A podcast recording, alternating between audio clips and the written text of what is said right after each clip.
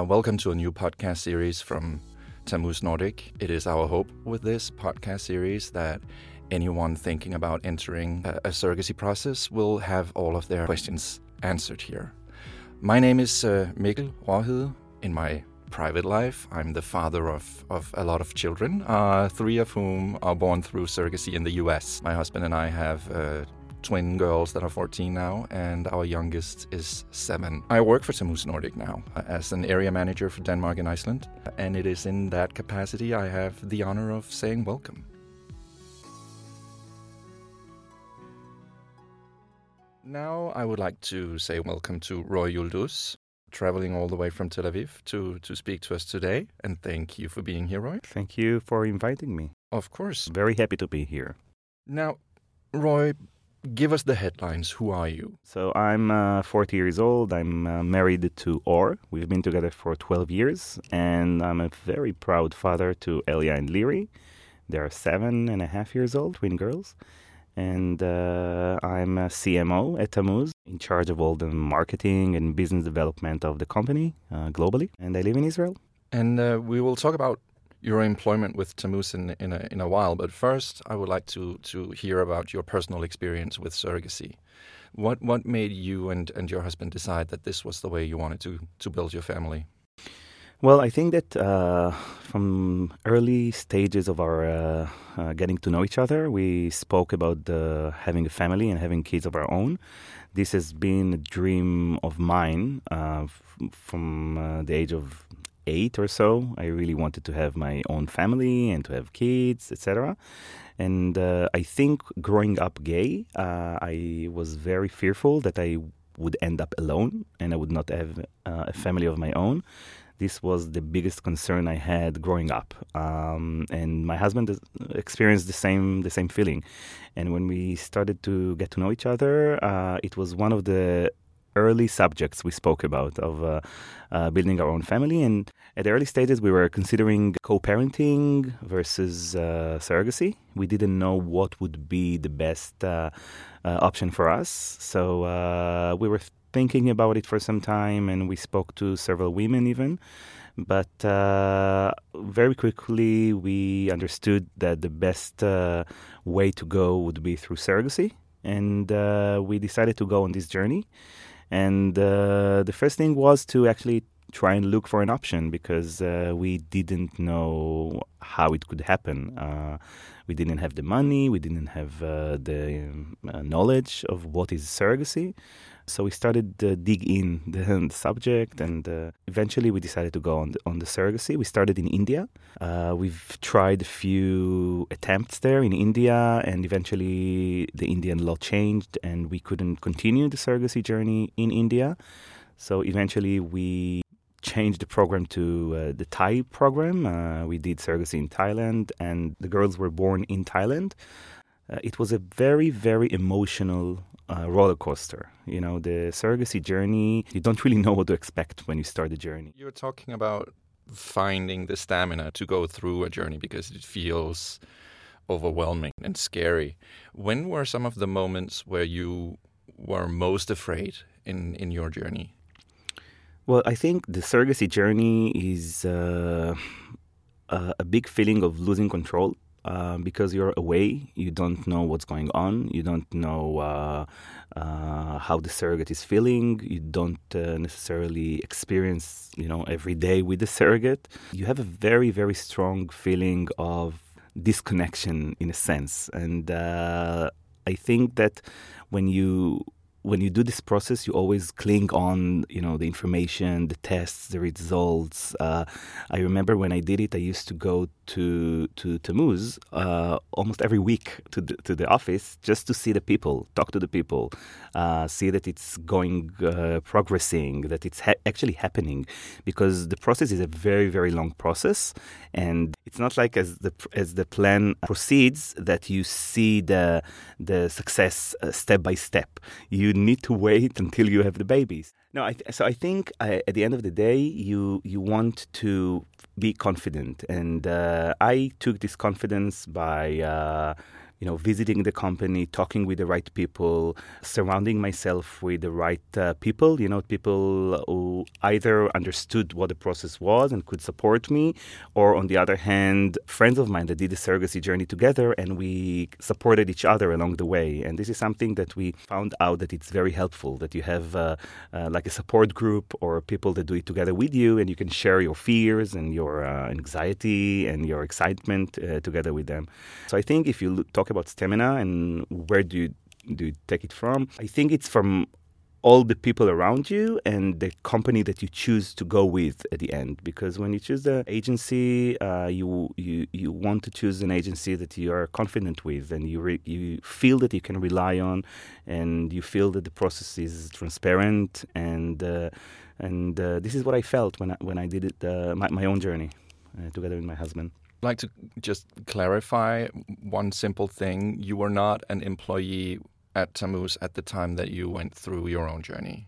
I was not. Uh, I was just a regular IP, intended parent, looking uh, for a, a, family of my own, and that's how I came across Tammuz.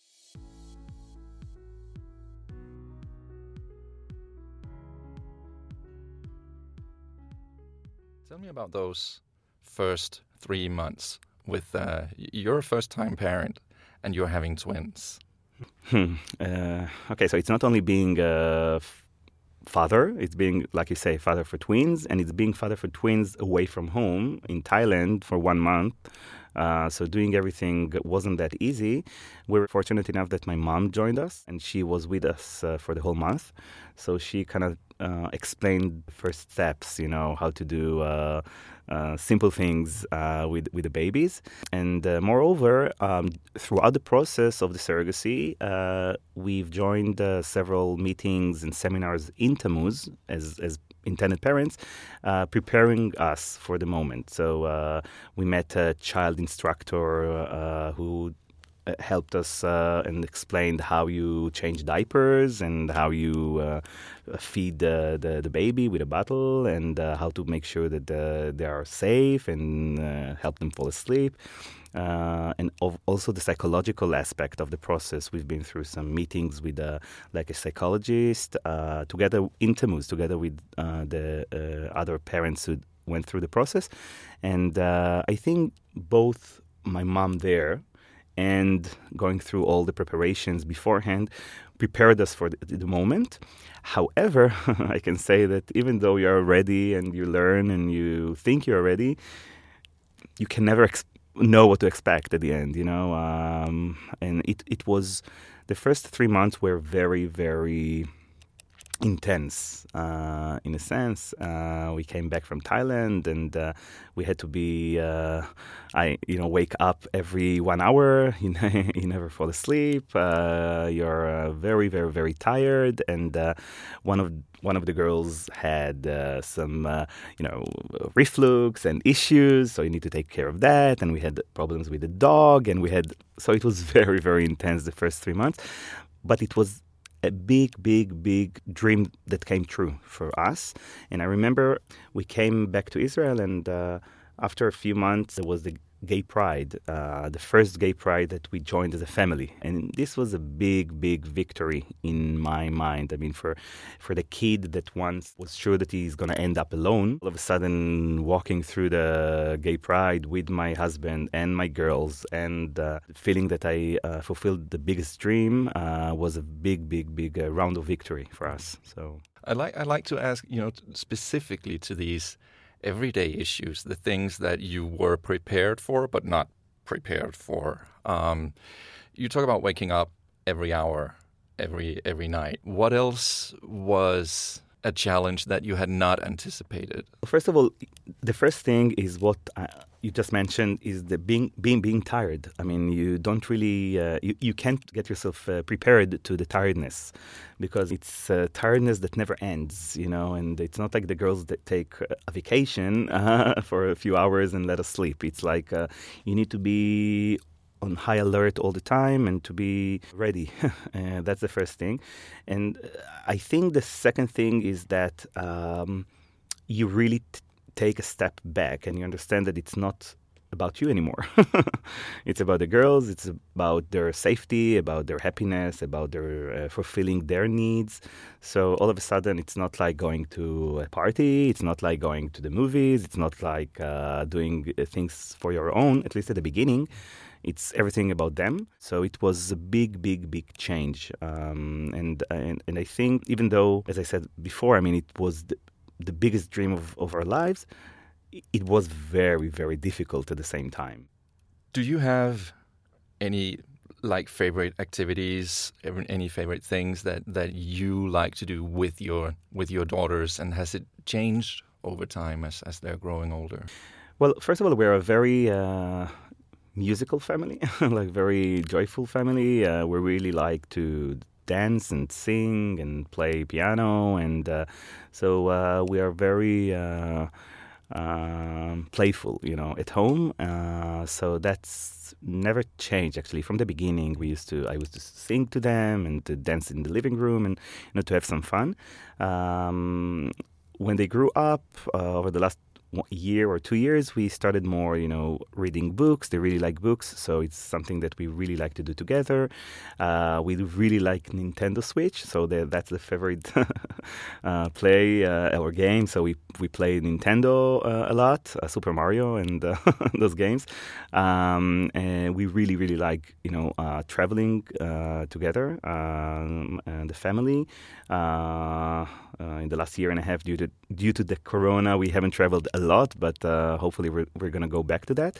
Um, and uh, at the end, I mean, I think we are a very um, uh, connected family. The fact that you're two fathers and you have two daughters, does that take up any mental space for you that you feel that there's a need to compensate for something or do you are you ever being met with someone saying so what's the female influence well it's very interesting i think that uh, from the moment we thought of doing surrogacy and being father and father, uh, it was something we we thought about or were afraid of in a sense, um, both from the reactions, but moreover from the actual uh, experience of of the girls. If they they're gonna feel that they're missing on something, or uh, they're gonna even uh, complain, or at, at, some age hate hate us for for doing this. But I think that if you come ready, in a sense, and uh, you you know read the right articles and meet the right uh, people and uh,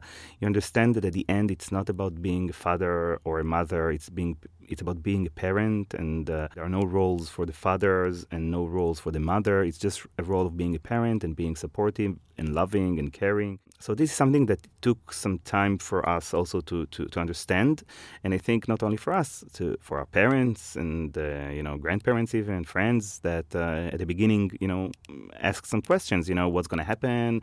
I remember my dad at the beginning uh, when I told uh, him that we we were going to go with the surrogacy uh, program. He he asked, I mean, what's going to happen? They're not going to have a mother. Uh, it's very weird. What's what other kids are going to ask in school, etc. And I think that I understood early on that it's our work and it's our job to make this world a better place for them and not leave them to deal with everything by themselves. So what we did, uh, Or and I, uh, each year when there is a family day or Mother's Day, Father's Day, we go to kindergarten or now to school and we do like an activity with the kids. Uh, uh so one time we came and we did like a special uh, book reading of uh, different families. One time we came and we showed like a book of the journey that Elia and Leary went through and uh, they really got to understand a little bit about what surrogacy and how how did it happen, etc. So we felt that it's something that is very important to educate uh, the kids that they grow up with, and uh, the um, educational staff, you know, the teachers, the principals, and I was very very happy that uh, everybody collaborated and the response was very very very positive and I think that, in a sense, um, I look at the girls many times as our shield. Um, it's like, uh, you know, when you're becoming a father, um, in many ways, it's like you're. Uh, your ticket to society, to mainstream society, in a sense. And I feel that uh, from the moment we we became fathers, I was really, really um, uh, finishing the coming out process or uh, coming to a place of really being proud and whole, you know, as a whole. Uh, and uh, when people, you know, ask questions or when people uh, are curious about the process, I'm always eager to, to explain and to teach them about how it's like to grow up in a, in a home of father and father, which is pretty much like any other home. Yeah, you're describing I think a lot of family bliss when you when you talk about reading with the girls, uh, dancing through the living rooms, and, and, and playing Mario. I think a lot of, of families can relate to this. That this is this is what family life is. What do you think are the the best parts of being a parent? Well, I think the first thing is being uh, meaningful. I think the sense of meaningfulness and the sense that you are teaching your girls and loving your girls and uh, helping them thriving and succeeding and uh, finding their place in the world is a it is a life task. You know, it's uh, in my eyes, it's the most important role that I have. I always say that I, out of all the jobs or uh, duties, uh, this is the most meaningful, most uh, exciting. It's not always just uh, positive, as you know, because sometimes it comes with a sense of blame. Uh, it comes with a lot of responsibility. But at the end, I think there is nothing more important than being a parent. I think this really gives you a sense of meaningfulness in life. So, what would your advice be if someone approached you now and say, "We are considering becoming parents through surrogacy"? What would you give them as as as advice? Well, I think um, looking at my own experience and looking at so many intended parents that I met over the years, I think it's very, very important to come ready, to come prepared, do all the t- uh, checkups, uh, do market surveys, go to different agencies, go to different clinics, like ch- see what's the difference between the different uh, agencies, and uh, really uh, understand uh, the process before you start it. as as you probably know, the surrogacy process is a involves many people along the way, um, many point of contacts, uh, and you you need to understand what you're getting yourself into. So the preparations should be first from a knowledge point of view, like prepare yourself uh, and know what is surrogacy and what is uh, what it uh, what it involves, but also from a financial uh, point of view. I think you need to be ready when you enter the process and uh, and know exactly what to expect. Uh, I would also suggest uh, the intended parents to align expectation with the agency they choose. It's very, very important uh, to share their um, fears and their expectations and what they they look forward in the process. What do they expect to get from the agency? Uh, the relationship with the surrogate, uh, the choosing of a don- egg donor. So I think uh, the preparations before uh, starting the process are one of the key elements of a successful uh, uh process. I also think that uh, you should be very, very patient along the process because things happen when they happen. This is uh, from my own experience. Uh, obviously, you can uh, make it uh, uh, quicker sometimes, you can uh, make it more smoother, but at the end, um, because this process involves so many people and most of the things you have really no control over, you need to be uh, very, very patient and to trust the company that you go with. I think uh, the fact that the surrogacy journey in most most cases is really far away from you, uh, the the issue of trust and reliability uh, on the company that you go with is very, very important. So, so my suggestion is that uh, you, you go with a company that you think you could be friends with, in a sense. You go with a company that you feel that they are in a sense, they are like a second family to you um, because because of the emotional uh, part of it and because of the uh, complexity of the process, you want a, an agency that uh, you feel good with. So uh, this is, I think, uh, th- these are the, the advices that I, I can give uh, intended parents who think to go through a surrogacy journey. Okay. One thing that I notice when I'm when I'm talking to you, and I think is is quite inspirational, is that you.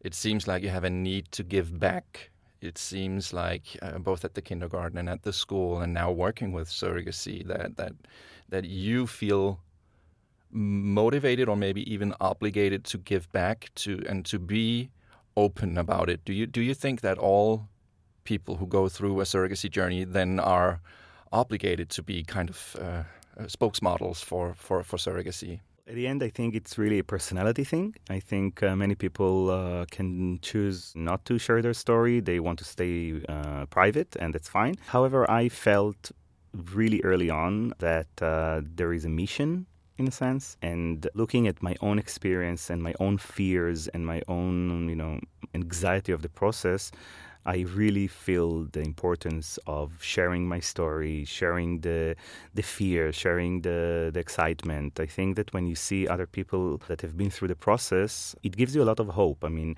when I uh, was uh, dreaming of becoming a father uh, and I started to see families around me, uh, it was like uh, unbelievable that uh, there are families of father and father, and I can become a father. And even though we've been through a long way and things developed, I think still when you're a young boy, or on the other side, when you're a straight couple who are struggling, sometimes you don't see the light, and sometimes you don't see the hope, and you you, you need to have those uh, inspirational stories in a sense to to understand that uh, things will be okay. I remember one time uh, at the middle of my journey, of our journey, that uh, it was not uh, a successful attempt. It was after uh, one fail failing attempt, and we were so disappointed. It was the third attempt, and uh, uh, we didn't know what's going to happen, and we felt that uh, it, it, it, it wasn't meant to be. You know, it was like a, a feeling that okay, we tried, and so we we're not going to be parents and uh, I met uh, with uh, Tammuz founder, with Doron, and uh, he came over and he was very, very, very convincing. He he told us, "Trust me, it will happen. You just need to breathe."